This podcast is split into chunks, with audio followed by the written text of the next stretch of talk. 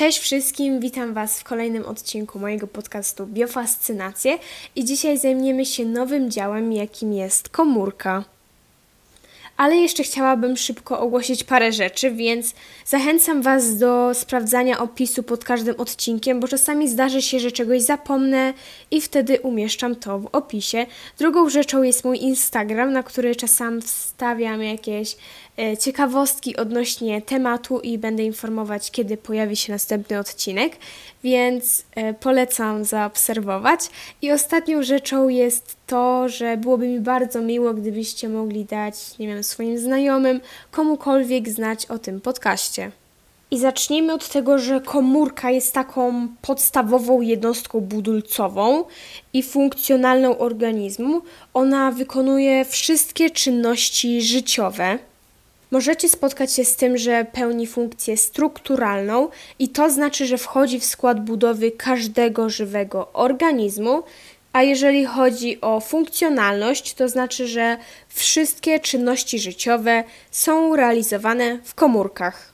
I istnieje coś takiego jak teoria komórkowa. Twórcami tej teorii jest Schleiden i Schwann, już pomijam imiona.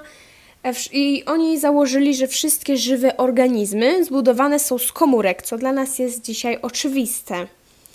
No i jeszcze, że komórki powstają tylko z komórek już istniejących, czyli komórki nie da się stworzyć. No i w sumie wiemy to, bo nie stworzymy komórki z materii ożywionej, nie ma jakiegoś przepisu na komórkę, że trochę białka, trochę cukru i powstanie komórka.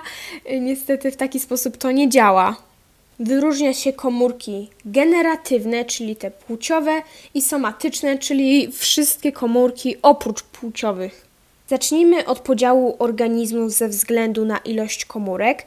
I organizmy mogą być jednokomórkowe, czyli takie, gdzie są zbudowane z jednej komórki, lub wielokomórkowe, gdzie te wszystkie komórki ze sobą współpracują, każda z nich ma określoną funkcję, więc tak się wzajemnie wszystkie uzupełniają. I do organizmów jednokomórkowych zaliczamy na przykład y, bakterie, protisty, na przykład pantofelek, czy grzyby, rośliny pierwotnie wodne. I oprócz tego podziału na jednokomórkowce i wielokomórkowce są jeszcze tak zwane formy kolonijne i one są zbudowane z wielu połączonych komórek, z których każda zachowuje zdolność do życia takiego samodzielnego, więc może się w każdej chwili oderwać od reszty i żyć po prostu sobie sama. Tak jest u wielu protistów. I mi na przykład organizmy kolonijne kojarzą się trochę z jakimiś, nie wiem, zespołami muzycznymi, bo każdy z nich pełni jakąś jakby funkcję, ale jednocześnie każda osoba może się odłączyć w każdej chwili i żyć samodzielnie, stworzyć swoją własną karierę muzyczną. Organizmy wielokomórkowe dzielimy na plechowe, czyli takie, które mają słabo zróżnicowane ciało na tkanki albo w ogóle ich nie mają. Przykładem są protisty, grzyby czy rośliny pierwotnie wodne. I tkankowe, które są wyraźnie zróżnicowane właśnie na tkanki i do nich zaliczamy rośliny czy zwierzęta. Wielkość i kształt komórek jest związany z ich funkcją. Większość komórek jest bardzo mała i mają kształt zbliżony do kuli lub sześcianu i powiem Wam dlaczego. Mówiąc tak ładnie, to komórki mają dużą powierzchnię w stosunku do objętości i to im zapewnia sprawną wymianę substancji między komórką a otoczeniem.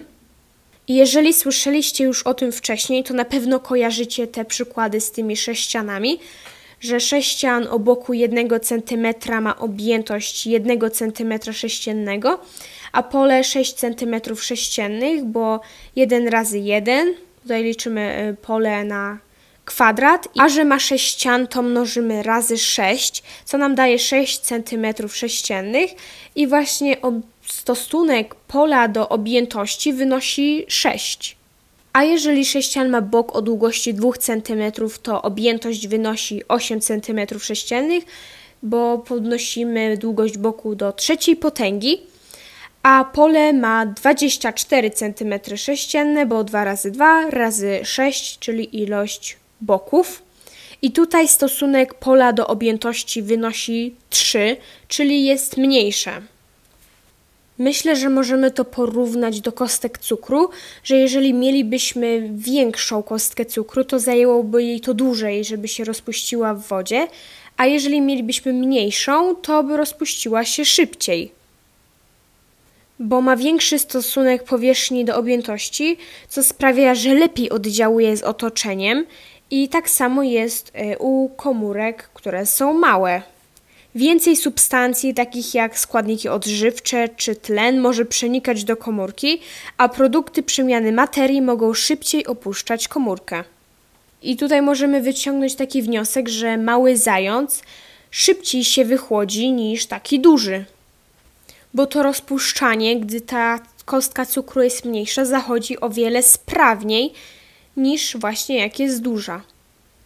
I teraz przejdźmy do tego, że dzielimy komórki ze względu na obecność jądra komórkowego i są komórki prokariotyczne i do nich należą komórki bakterii i one zawierają tylko DNA i rybosomy. Natomiast komórki eukariotyczne to takie, które zawierają jądro i wszystkie inne organella i do nich zaliczamy komórki roślinne, grzybowe, zwierzęce. I w każdym z tych słów, czyli prokarionty i eukarionty, występuje wyraz karion, który oznacza jądro. No i właśnie komórki prokariotyczne to są takie przedjądrowe, czyli te najstarsze, prymitywne i one są zazwyczaj mniejsze od komórek eukariotycznych. I w wymaganiach do matury jest napisane, że uczeń rozpoznaje elementy budowy komórki eukariotycznej na preparacie mikroskopowym, na mikrofotografii, rysunku lub na schemacie, więc polecam sobie przejrzeć, jak wyglądają właśnie komórki w książkach, w internecie, gdziekolwiek, gdzie macie możliwość. Tak, przyglądając się tym komórkom prokariotycznym, to wiemy, że każda komórka musi wytwarzać białko, a komórki muszą mieć białka, bo jednak jest to jeden z podstawowych elementów budowy organizmów. A żeby powstały te białka, jest nam potrzebne DNA i dlatego są rybosomy. Więc stąd są organella, które występują w komórce prokariotycznej. E, jest ona także otoczona błoną komórkową i ścianą komórkową z mureiny a komórki eukariotyczne składają się z błony komórkowej.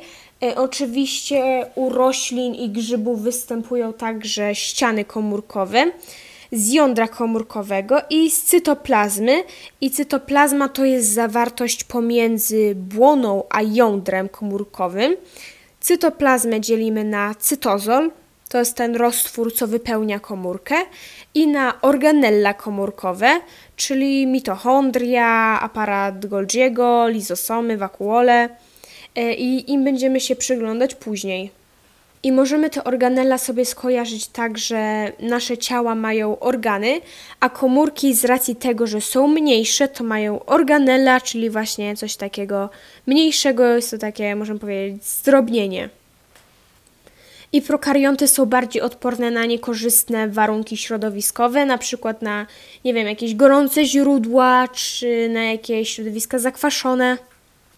W wymaganiach maturalnych jest także mowa o wykazywaniu różnic w budowie komórki prokariotycznej i eukariotycznej, więc mam nadzieję, że teraz jesteście w stanie to zrobić. Jeżeli chodzi o zadania maturalne, to ciężko jest znaleźć cokolwiek, ale znalazłam takie fajne z zdjęciem niestety, ale tutaj postaram się objaśnić jak najjaśniej, co jest na tym zdjęciu. Jest to zadanie z matury z maja 2021 roku, poziom rozszerzony, formuła 2015, zadanie piąte. Poniżej przedstawiono dokumentację obserwacji mikroskopowej pewnego jednokomórkowego organizmu. A mikrofotografię z transmisyjnego mikroskopu elektronowego oraz B. rysunek będący jej interpretacją. I właśnie w tym organizmie znajdują się rybosomy, ściana komórkowa, błona komórkowa, cytoplazma i nukleoid. Określ, czy obserwowaną komórką była komórka bakteryjna, czy komórka grzybowa. I tutaj tak wtrącę, że różnice pomiędzy komórkami roślinnymi, grzybowymi i zwierzęcymi będę omawiać, ponieważ jest to zapisane w wymaganiach maturalnych. Odpowiedź uzasadnij odnosząc się do jednej widocznej na ilustracji cechy budowy odróżniającej komórkę bakteryjną od komórki grzybowej.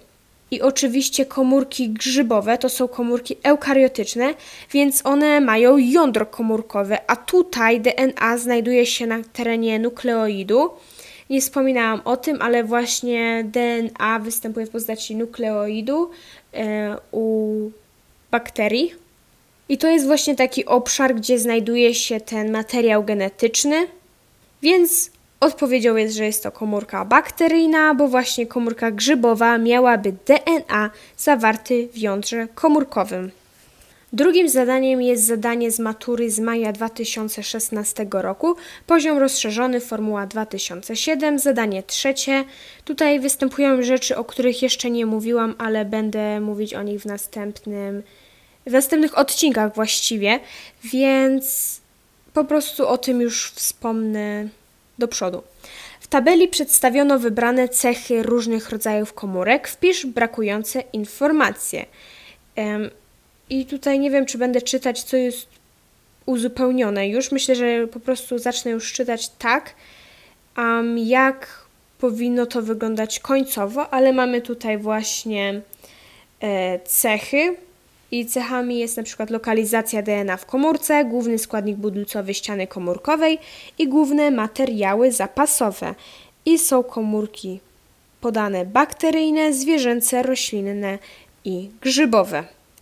Jeżeli chodzi o komórkę bakteryjną, to jego DNA występuje w postaci nukleoidu, Głównym składnikiem budulcowym ściany komórkowej jest mureina i to jest jakby już wpisane, a głównym materiałem zapasowym są e, białka, cukry i tłuszcze i to również jest wpisane. U komórki zwierzęcej DNA występuje w jądrze komórkowym, ewentualnie w mitochondrium u tlenowców, ale tym się na razie nie przyjmujcie. Jeżeli chodzi o główny składnik budulcowy ściany komórkowej, to po prostu brak, bo komórki zwierzęce nie mają tej ściany, a główne materiały zapasowe to tłuszcze, glikogen, białka. U komórek roślinnych DNA występuje w jądrze komórkowym, w mitochondrium, chloroplastach czy plastydach. Głównym składnikiem budulcowym ściany komórkowej jest celuloza i właśnie o funkcjach celulozy mówiłam podczas omawiania sacharydów, więc mam nadzieję, że to pamiętacie. I głównym materiałem zapasowym jest skrobia, białko i tłuszcze. Jeżeli chodzi o komórkę grzybową, to DNA występuje w jądrze komórkowym w mitochondrium u tlenowców. Głównym składnikiem budulcowym ściany komórkowej jest chityna, o czym także mówiłam w odcinku dotyczącym sacharydów. I głównym materiałem zapasowym jest glikogen czy tłuszcze. I jest to już wszystko w dzisiejszym odcinku. Bardzo dziękuję za wysłuchanie